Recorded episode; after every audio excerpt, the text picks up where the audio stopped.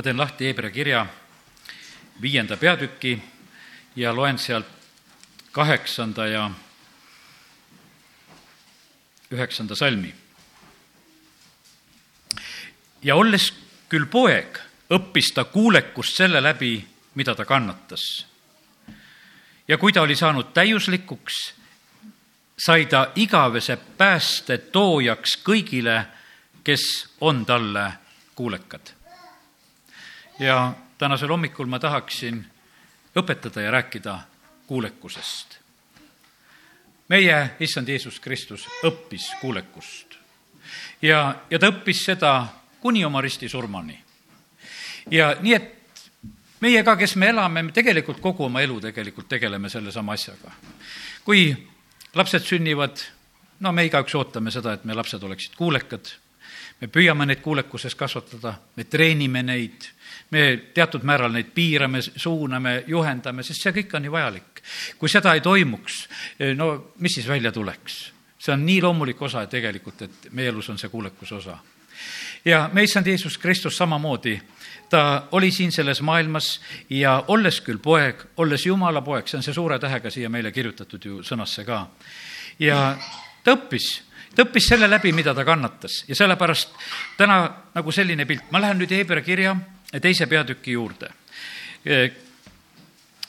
neljapäeva õhtul ma rääkisin sellest Uue Antslas, aga ma lühidalt mõne mõtte siit praegusel hetkel ütlen.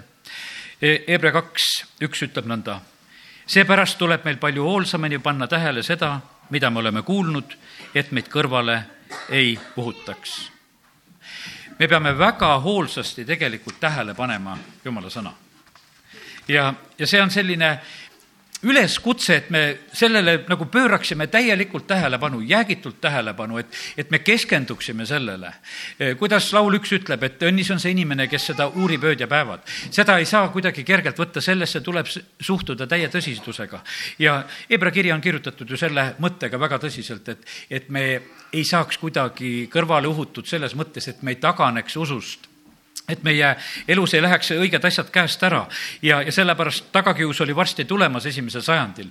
aga selle kirja kaudu tegelikult valmistati ette just ka jumala rahvast, et nad võiksid eh, püsima jääda. väga tähtis on tähele panna, mida räägitakse. poliitikute ütlemisi jälgitakse. ma eile õhtul tahtsin oma autopaaki täita ja, ja tegin seda ja alles hiljuti ma panin tähele seda, et noh, et öeldi, et et kütuse hind tõusis sellepärast, et Vene president ütles midagi. ja, ja ma mõtlesin, et ei tea, kas ta täna õhtul jälle midagi ütleb või ei ütle, aga et kas ta tõstab hinna ära või ei tõsta, et ma ei tea ju, mis on. on analüütikud, on terved instituudid, on poliitikud, kes jälgivad kellegi ütlemisi. ta lihtsalt paotab ühe sõna ja, ja kui ta ütleb ja sellest sõltub ja, ja sellepärast, no mina ei tea, nähtavasti ei öelnud ja natuke oli allapoole läinud. ja, ja sellepärast kiitus Jumalale, et, et tegelikult on see nagu üks selline näide, et sellel on tähtsus, mida öeldakse me oleme võib-olla kuidagi harjunud ka sedasi, et, et postkastidesse igale poole tuleb infot ja neid reklaamlehti ja, ja, ja kõike seda värki. teate, seda ei tuleks, kui sellel tulemust ei oleks. sellel on tulemus sellel, sellel on tulemus, sellepärast nad ikka teevad seda, sellepärast et kui nad seda ei teeks, nad mõistavad, sellel on vahe vahel. ja, ja sellepärast, kallid, see info, mida tegelikult eh, meie saame ümberringi, me peame oskama tegelikult vahet teha. jumal ütleb, et kuulake minu sõna ja olge õnnistatud. Eh, sellepärast, et info võtab meid kinni, me toimime selle järgi, me ostame neid asju. Me, me teeme võib-olla vahest alateadlikult, aga ikkagi me läheme nende asjadega eh, väga, väga selgelt kaasa. Ja sellepärast Hebra kiri kutsub üles, et pange tähele väga otseselt, mida Jumal räägib. Sellest sõltub tegelikult meie selline, kuidas ütelda, julgeolek, sellest sõltuvad eh, meie õnnistused, kui sa paned tähele seda, mida Jumal räägib ja ta võib tarvitada erinevaid inimesi, ta võib tarvitada vanemaid, ta võib tarvitada koguduses karjaseid, ta võib tarvitada noh, kus kohas iganes, õde ja venda, kelle kaudu ta vahest midagi ütleb. aga sa pead tähele panema seda, et kus Jumal on ütlemas ja rääkimas. Minu isa elus oli selline noore mehena selline hetk, et, et kui oli sõjaaeg, hakati noh, ütleme läände ära põgenema, temal oli ka koht laevas valmis, et Rootsi minna, kõik asjad juba, tema asjakesed seal peal, läheb lihtsalt koju veel ütlema emale, et kuule, et ema, tead aega, et ma lähen ka ära Rootsi. ema ütleb, et poeg, ära mine. lihtsalt ema südame järgi ütlemine. tegelikult see laev läks miini otsa ja mitte keegi nendest ei jõudnud Rootsi aga lihtne selline kuulekus sellel hetkel, ta võttis oma asjad sealt laevast ära lihtsalt selle ema sõna peale ja, ja mina õppisin oma isa käest seda. kui ta läks kodust välja, ma mäletan, vanasti sõideti ju mootorrattaga, tead, ja, ja siis oli selline, et, et enne kodust väljaminekut oli selline vaikne hetk. kõik oli juba niimoodi riides, noh, pidi ju soojalt riide panema, kui sa mootorrattaga sõitma läksid ja kõik oli valmis ja, ja siis nägin, et isa jääb korraks vaikseks. ja siis küsib, et aga jumal, mida veel noh, pane käärid tasku. no otsib käärid, paneb käärid tasku. no jumal teadis, et tee peal tuli kummi lappida, aga kummilapp oli parem lõigata, kui käärid olid kaasas. ja, ja tegelikkuses oli see nii, et, et no selliseid asju, mina õppisin seda samamoodi, et ma olen nagu samamoodi, et kui ma olen sõidule minemas, siis, siis ma olen harjunud sedasi, et aga mida veel jumal, sina ju tead, mida veel. ja, ja sellepärast on see, see on meie eesõigus, aga selleks pead olema see, kes sa kuulad. Me võime arvestada sellega vahest nii, et ah, ma oskan ise kõik välja mõelda. aga ei oska sa kõike välja mõelda. Ja sellepärast on niimoodi, et pane hästi tähele seda, mida tegelikult jumal tahab rääkida. See on eriti tähtis meile ka nendes aegades, kus me elame, ajad on segased. Ja, ja siis on see sellest kuulekusest, kes tegelikult, jumal on trooni peal, ta näeb kõike, ta näeb kõikide vägede liikumisi, ta näeb kõikide tormide liikumisi, ta näeb kõike, mis sünnib. ja sellepärast ta saab meile olla see kõige parem nõuandja, sest tema vaatab seda asja väga kõrgelt. ja sellepärast tal on täielik info, tal on täielik teadmine, tal on teadmine kõigest sellest ja sellepärast usaldame issandat. ja sellepärast Jumal on andnud meile oma armsa poja, et me e, kuulaksime teda. E, teeme lahti nüüd e, sellise koha nagu Hebra kirjast veel kuuenda peatüki ja, ja loeme sealt salmid seitse kuni üksteist. tegelikult Hebra kirja mõtted on võimsad, ma olen ise vaadanud, et ma olen vist vähe nendest rääkinud ja, ja et nad on nii uued isegi minu jaoks, kui ma neid lahti teen, nad räägivad nii võimsalt. aga loeme siit kuuenda peatüki seitsmendast salmist ja sealt edasi. maa, mis joob sagedasti, sellele langevad vihma ja kasvatab kasulikke taimi neile, kes seda kaarivad, saab õnnistuse Jumalalt aga maa, mis kannab kibuvitsu ja ohakaid, on kõlbmatu ja lähedal äraneetmisele, mille lõpp on ärapõletamine. me oleme aga veendunud, armsad, et teie puhul on lugu parem ja pääste võimalik, kuigi me räägime nõnda. sest Jumal ei ole ülekohtune, nii et ta unustaks ära teie teo ja armastuse, mida te olete osutanud tema nimele, kui te aitasite pühasid ja aitate veelgi. mihkame aga, et igaüks teist osutaks sedasama agarust lootuse kinnitamiseks kuni lõpuni kui ma praegu Hebra kirja olen lugenud, ma näen nagu kogu aeg seda, et, et kuidas Jumal oma rahvast nagu valmistab.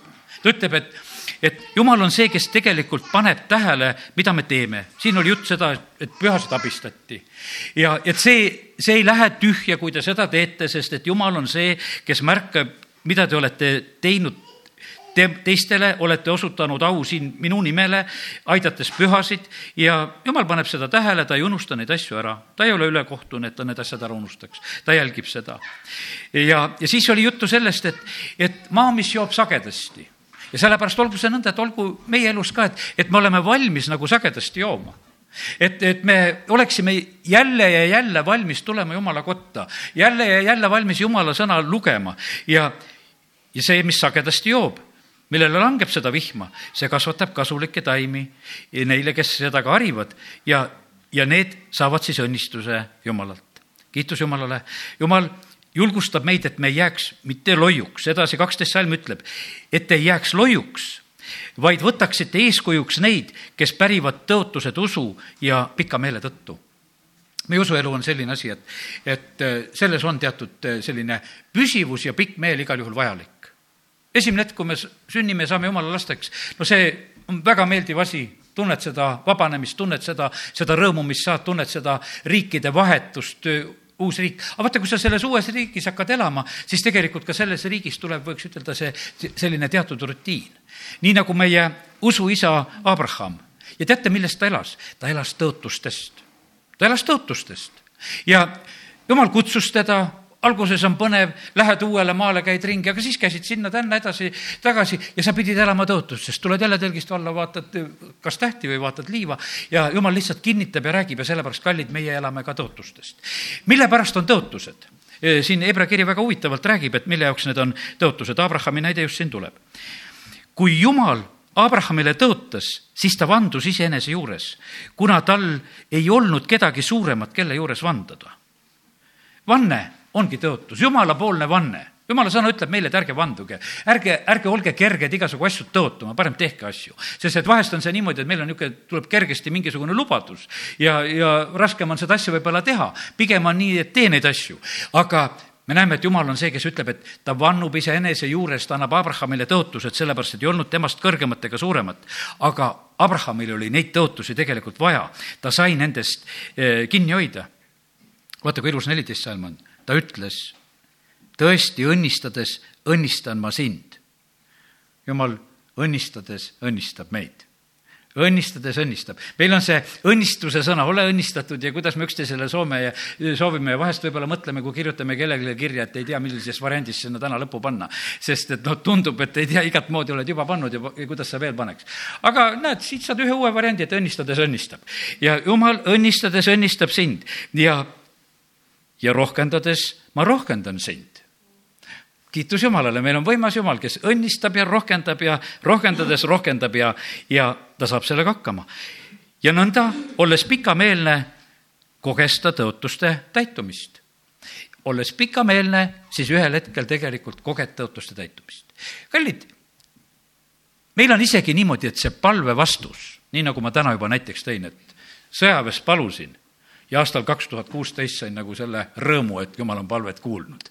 ikka läks aastaid küll, aga, aga jõudis kohale jõudis kohale, vaata, sa, sa pead saama sellest ilmutuse, sellepärast et sageli me palume ja meil on selline tunne, et jumal, kuule, et kas sa ikka õieti kuulsid või ei kuulnud või kuidas sellega asi on. aga tegelikkuses me vajame seda ka, et, et me saame selle ilmutuse. ja Abrahami elus juhtus samamoodi, et olles pikameelne, koges ta tõotuste täitumist. me teame samamoodi, et ta ootas kaua isaki sündi ja ühel päeval see sündis. ja siis pandi nimeks see naer, siis pandi nimeks see rõõm, sellepärast et see oli tõesti täitunud. kuusteist salm ütleb, inimesed vannuvad ju kellegi suurema juures, kui nad ise on. ja vanne on neile kinnitus igasuguse eh, vastuvaidlemise lõpetamiseks. no see on lihtsalt selleks, et tahaks nagu jutu ära lõpetada ja oma tõe maksma panna, siis paned seal mingisugused vanded välja ja, ja inimesed teevad seda ja Hebra kiri kirjutab, et niimoodi inimesed vahest käituvad. just seepärast, et jumal tahtis tõotuse pärijale veel selgemini näidata oma nõu kõikumatust, kinnitas ta seda vandega. ja sellepärast on see nii, et see, milles me oleme, see on nii kindel asi. E, jumal tahab seda meile nii kinnitada ja rääkida ja sellepärast e, see julgustus tuleb siin väga võimsalt et kahe kõikumatu tõsiasja läbi, milles on võimatu jumala valelikkus, saaksime mõjuvat julgut-, julgustust meie, kes oleme rutanud kinni haarama antud lootusest. mis on meile nagu hingeankur, kindel ja kinnitatud. see ulatub vahevaiba taha sisimasse ja sellepärast, kallid, kõige pühamasse paika ulatub see meie kinnituse paik, see meie ankur. Eestimaa on mereriik, praegusel hetkel on laevadega häda, näed, et ei ole neid laevu ja ei, hiidlased on eriti hädas ja ei saa hästi sõita ja meri on madalaks jäänud ja peab seda sügavamaks tegema ja, ja mitmesugused asjad. aga laevade jaoks on tegelikult väga tähtis asi, on ankur. millal on laevale ankur tähtis? laevale on ankur tähtis siis, kui on torm. seda ei ole siis üldse vaja, kui, kui on kõik okei okay mitte midagi ei ole siis sellest ankrust asja, siis ta on nagu üks iluasi laeva peal, mida võid vaatamas käia. aga kui on tegelikult torm, siis on tähtis, et on see võimas ankur, mis läheb sinna merepõhja, mis kinnitab, mis hoiab ja, ja mis tegelikult on siis sellel hetkel tohutult abiks. ja kust selline tarkus? inimesed on laevasõidul selle asja ära õppinud, et see ankur tuleb sisse visata. ja see on ju lihtsalt lihtsa loogika järgi mõtled, kui on ankur sees, sa oled selle, selle võimsa trossi või köie otsas, mis sul on selleks ankrunööriks, ja kui see tuul puhub, siis ta lükkab lihtsalt sind selles tuule suunas. kui sa laeva küljes on õiget pidi, siis sa tõmbad oma laeva ka selle tuule suunas ja niimoodi sul palju ohutum seal olla. ja, ja nii lihtne, nagu see asi ongi ja sellepärast, kallid, meil on ka nii lihtne see asi ongi, et me saame võtta sellest issandast kinni ja igas tormis hoiab. ankrukoht on nii kindel ja kinnitatud, sellele ei pääse mitte üks kurat ligi, sest see on kõige pühamas paigas sinna ei pääse mitte kui keegi. vaata, kui sina oled selle ankru küljes, mitte keegi ei saa seda puudutada, sellepärast et ta ei saa seda välja kangutada. kui, kui meie oleme selles kinnitatud ja, ja oleme selle küljes. see ulatub vahevaiba taha sisemasse, kuhu Jeesus, meie eeljooksja, on sisse läinud meie heaks, saades Melkiseedeki korra järgi igaveseks ülempreestriks. eeljooksjad on tähtsad. Need, kes jooksuga tegelevad, teame seda võistlustel, vahest vaatame, et keegi veab jooksu väsib ära, teine läheb ette, tavaliselt ongi nii, et kes seal ees veavad, väsivad ja nad ei võidagi. võidavad tavaliselt ikka need, kes sealt tagant välja söödavad, sööstavad siis ühel hetkel ja, ja teised taga seal lihtsalt selles tuules olnud. aga kallid, meie Jeesus on võitnud, ta on eeljooksja, ta ei ole kaotanud ja, ja sellepärast selles tuules me võime minna ja võimas on, milliste võimsate piltide kaudu tegelikult jumala sõna meile räägib ja sellepärast võta nendest asjadest lihtsalt kinni. see on praegusel hetkel jumala sõna, mis meile räägib, teda kuulake ja sellepärast neid asju tuleb tähele panna. Koljat rääkis ka iga hommik ja õhtu Iisraeli rahvale, kui seal oli see vastasseis nelikümmend päeva ja tema teotas ja, ja sellepärast on see nii, et täitsa selge, ma usun, et me kogeme seda samamoodi ka, et võib-olla praegusel hetkel on selline hetk, et kus sul mõistus ei karju ja hirmutamisi ei toimu. aga kui, kui on ainult see võimalus siis see mõistus karjub ja hirmutab ja küll haiguste ja hädadega ja puuduste ja kõikide asjadega, küll igasuguste asjadega, kohe on platsis ju olemas, sellepärast nii ta on. aga pane tähele, mida sa kuulad ja, ja sellepärast eriti sellistel tormistel aegadel, täna on meile räägitud sellest, et, et ikka räägitakse, madu ka muudkui räägib. see rääkimine on niivõrd oluline asi, aga kallid, paneme tähele seda, mida Jumal meile räägib. mitte seda, mida meie mõistus ja mida kurat tahab rääkida. ja, ja siis on see nii, et, et tegelikult see kuulekus saab õige palga. sest kui, Hebra kaks kaks, ma nüüd jätkan korraks siit, sest kui juba inglite kaudu räägitud sõna jäi püsima ning iga üleastumine ja sõnakuulmatus sai oma õige palga kas oled kuulekas või sõnakuulmatu? täna ma ütlesin, ma tahan rääkida sellest, et ole kuulekas. ja, ja kuulekas olla, see ei ole tegelikult alandav asi Eh, see on, ja kuulekus on selline eh, nii, nii normaalne asi. Jeesus oli siin selles maailmas kuulekas. täna on tuletatud meelde seda, Jeesus oli teenija. Nad tulid teisi inimesi teenima. meile meeldib võib-olla rohkem see, et me oleme jumala lapsed. ja, ja sellepärast ega me ei käi eh, kiitlemas sedasi, et kuule, et ma sain jumala teenijaks, vaid et ma sain jumala lapseks. no võib-olla, kui sul on mingi teenistus, siis sa veel ütled, et mul see ministri on, et see on nagu tähtsam. aga, aga kui nagu, sa lihtsalt ei taha olla see teenija, aga Jeesus oma elu lõpul, ta tegeleb millega, ta peseb oma jüngrite jalgu. ta ei teinud seda oma teenistuse alguses, ta tegi seda oma teenistuse lõpus. ja, ja ta oli sellises alandlikkuses oma jüngrite keskel. teised olid juba natukese nagu õppinud, kolm pool aastat juba käinud tehnikum läbi ja sa oled juba palju targem ja sa mõtlesid, mina küll teist jalgu pesema ei hakka, eks. Albert Schweitzer ütles samamoodi, et kui pärismaalastele seal natukese õpetas juba midagi, siis enam labidat kätte ei võetud.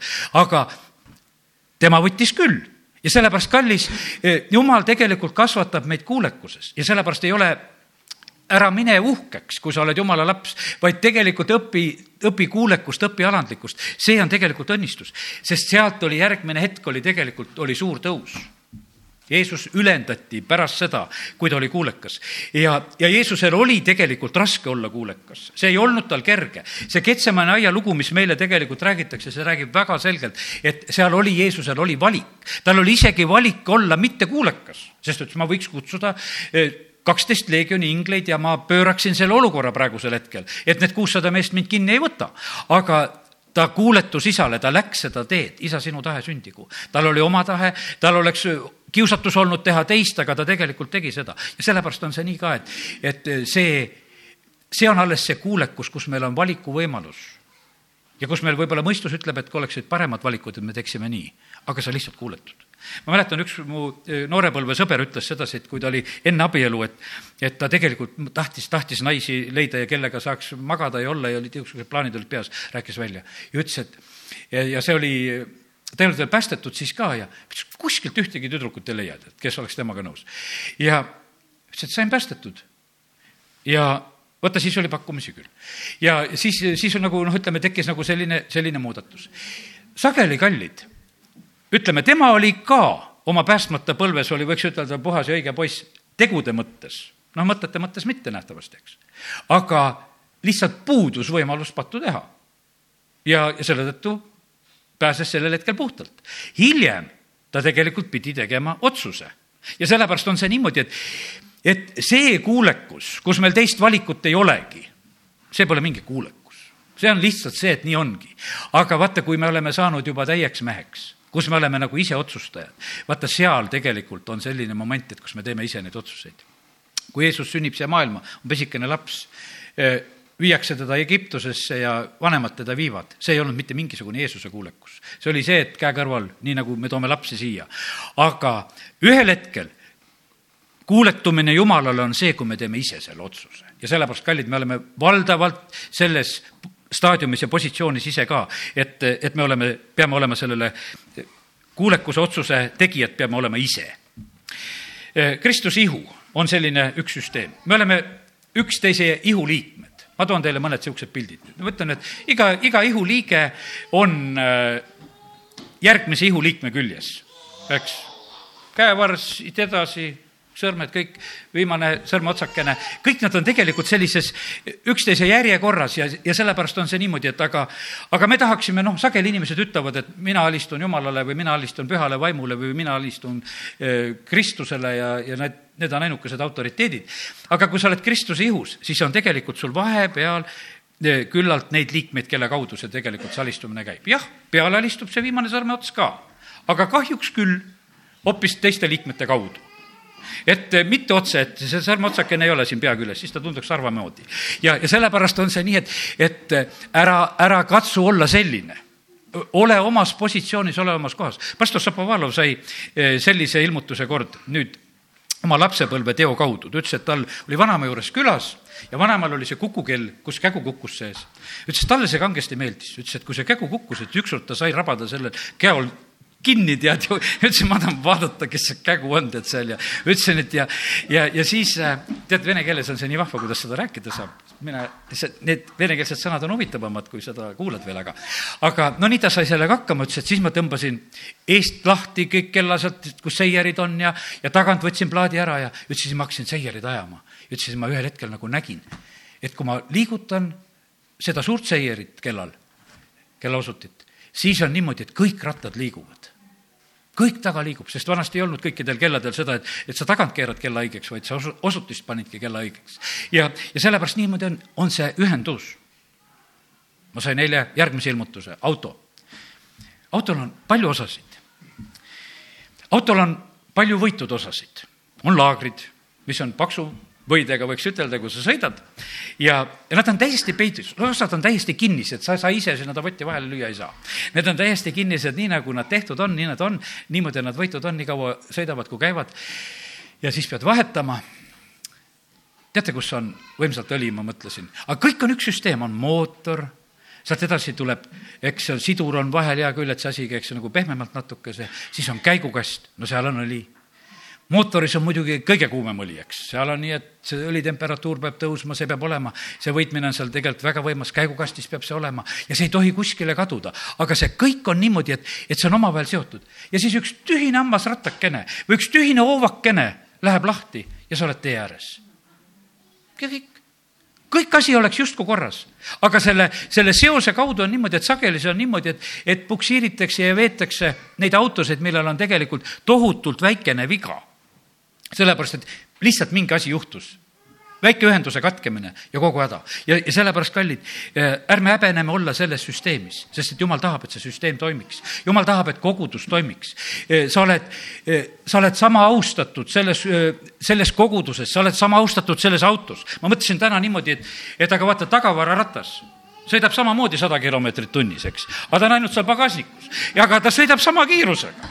aga, aga, aga ta on kogu aeg see samamoodi seal kaasas, eks. teised rattad peavad seal vurama ja vurama, aga tema sõidab kogu aeg. ja siis teed lahti, vaatad, et kuule, nii ilus ja kulumata teine, tead, et nii uus auto mul, eks. et aga kallid, mille järgi meie võtame asju? Me võtame niimoodi, kui autot ostad, vaatad, et kes auto ära pesi, see saab sulle seal ära, ära müüa, kes istmed ka viitsis veel puhtaks teha, see saab oma auto sulle ära müüa. sest ega sa neid võidmisi väga taga ei aja, mis seal sees peab olema. aga sa, sa vaatad seda väljast, aga tegelikult see, seal, mis seal sees on tähtis. ja sellepärast, kallid, see, eh, mis tegelikult on Kristuse ihus ja sellepärast tunne rõõmu sellest, et, et sa oled nagu oma koha peal ja, ja kus sa võid olla. mine vaata Võru gaasitehase seda vana katlamaja korstent või ütleme, piiritusvabriku korstent veel. lastud on, tähendab sealt võlsi poolt osad kivid on väljas eks, ja sellepärast me oleme seal nagu üks, igaüks nagu üks kivikene, aga seda suurt ja võimast korstent ei oleks, kui neid kivikesi igaühte seal oma koha peal ei oleks.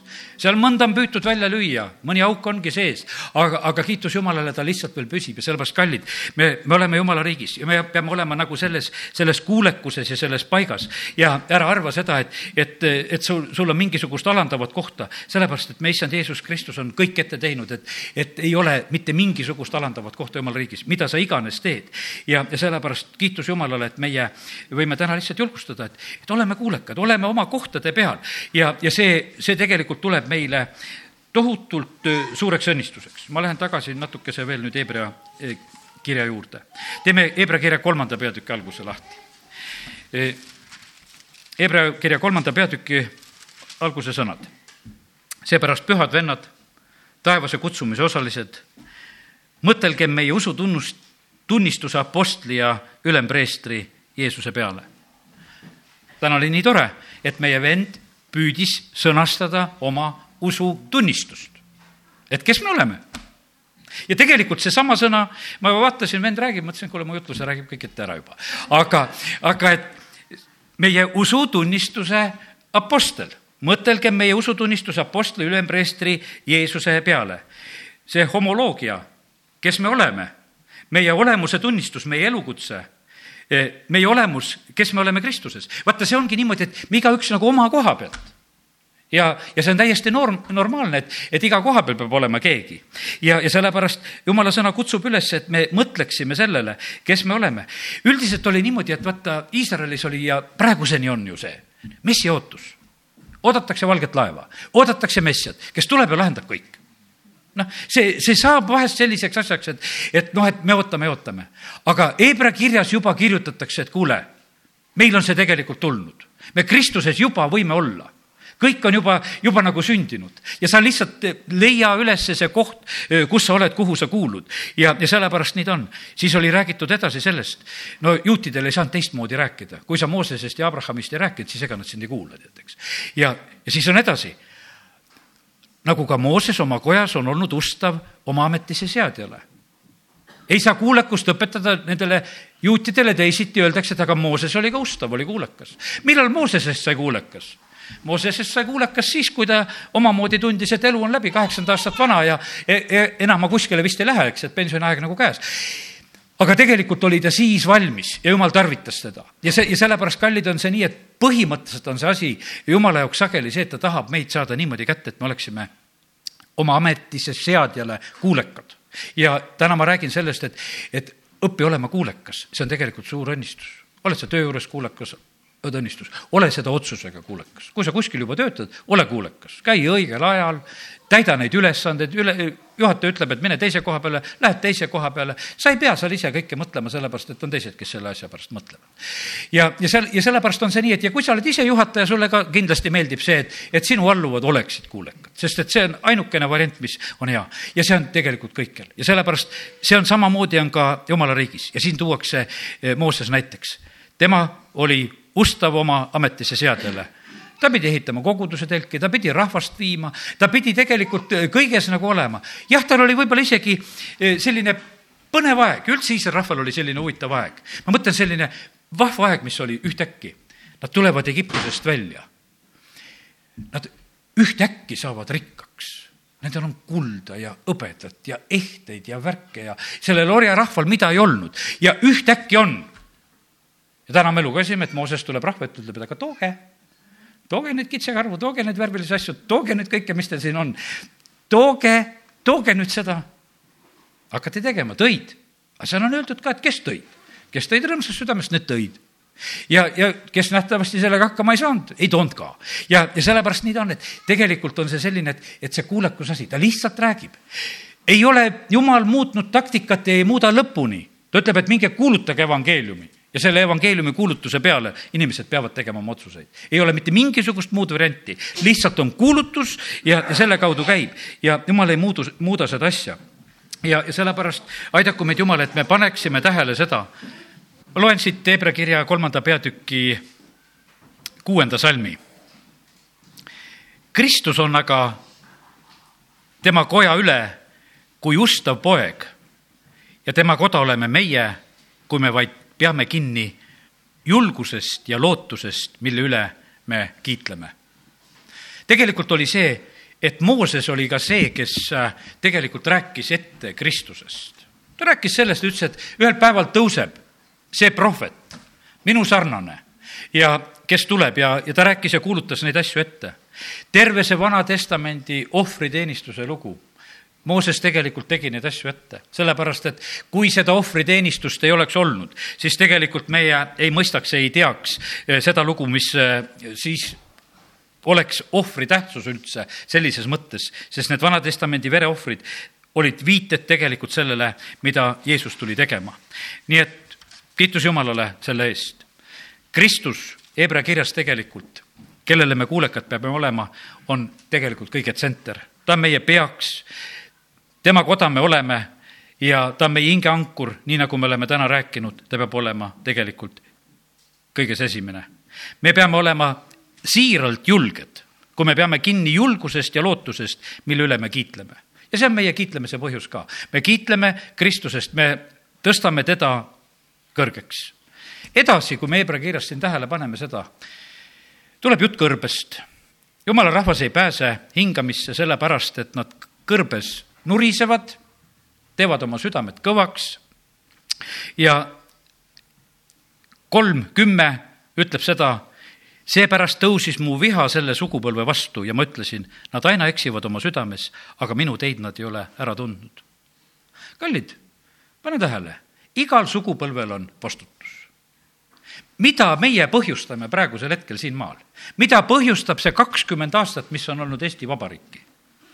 Mida see põhjustab? aga jumal ütleb väga selgelt oma sõnas, et, et aga mul on viha selle sugupõlve vastu, kes olid seal kõrbes. sellepärast, et nad tegid oma südamed kõvaks, nad ei kuulanud. mis oli kakskümmend aastat tagasi, kakskümmend viis aastat tagasi, ütleme nii, inimesed tegelikult siis palju rohkem otsisid Jumalat. kiitus Jumalale, et Võrus otsivad ikka edasi Jumalat ja otsime veel ja Võrumaa on õnnistatud ja läheme edasi ja, ja need õnnistused lähevad Eestimaal ka edasi. aga tegelikult jumal paneb väga tähele seda, et mida see sugupõlv teeb. ja, ja sellepärast nii ta on, et, et on need kõrbeohud no mis, mille üle kõrbes nuriseti, seal nuriseti kõige üle, küll toidu üle ja, ja küll Moosese naise üle ja, ja kõige üle. ja kas praegusel ajal ei ole samamoodi põhjused, et sa võid nuriseda, sa võid nuriseda vaimuliku toidu üle, sa võid ajaliku toidu üle nuriseda, sa võid nuriseda pastori naise pärast või mis iganes sa leiad need põhjused, kõike tegelikult on võimalik. sest et elu on selline ja, kõik need asjad olid, aga jumal ütles, et kuule, et aga mina vihastun selle sugupõlve peale sellepärast, et nad on teinud oma südame kõvaks ja nad ei saa minu hingamisse. ja sellepärast, kallid, see on meie igaühe tegelikult ju igatsuse soov, et me tahaksime olla hingamises ja sellepärast me ei tohi teha oma südant kõvaks. vaata, kui sa oled kuulekas, siis su süda ei ole tegelikult kõva. uhke süda on kõva ja uhkel on raske olla kuulekas ja sellepärast on see niimoodi, et kui sul on kuskil tegelikult raske kuuletuda ja, ja, ja sa reageerid kuidagi selliselt, siis äh, tegele endaga selle koha pealt, sest et see on ilmne näitaja selle koha pealt, et tegelikult sul on raske. meie võimed, meie oskused ja asjad, need on nii, et need võivad olla väga suured ja head. pastor Šapovalov just toob selle näite, ütles, et sa võid olla selline nagu, et, et nagu ei tea, mis äh, kõva pianist ja värk, aga sind pannakse koristama. sellepärast, et lihtsalt seda on hetkel jumala riigis vaja, seda on vaja teha ta toob oma näite, et kui tema läks piiblikooli, ta ütles, et, et tal oli just üheksakümne kolmandal aastal, tal olid isiklikud nägemused Jeesusega ja väga tugevad nägemused Jeesusega, mis tal on, kes on kuulanud tema jutlusi ja neid asju. ta läheb üheksakümmend neli aasta pärast läheb piiblikooli.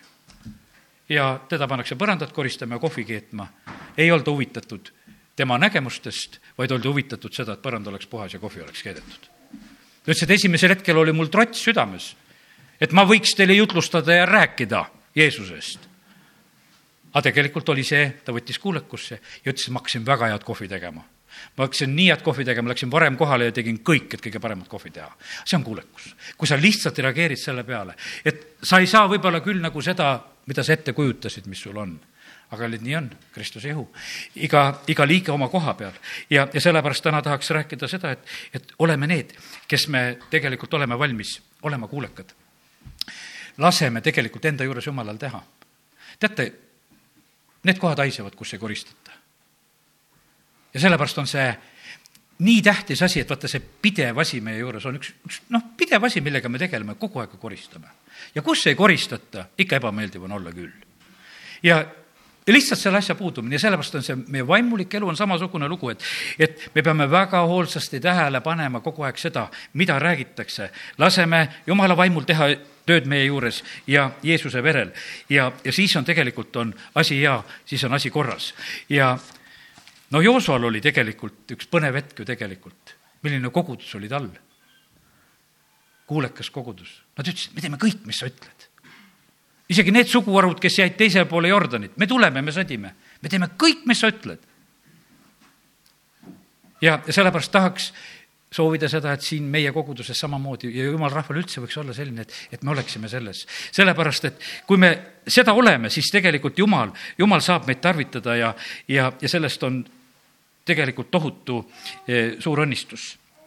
kolm neliteist me oleme ju saanud Kristuse osaliseks, kui vaid lõpuni kinni peame sellest, mis meil alguses oli.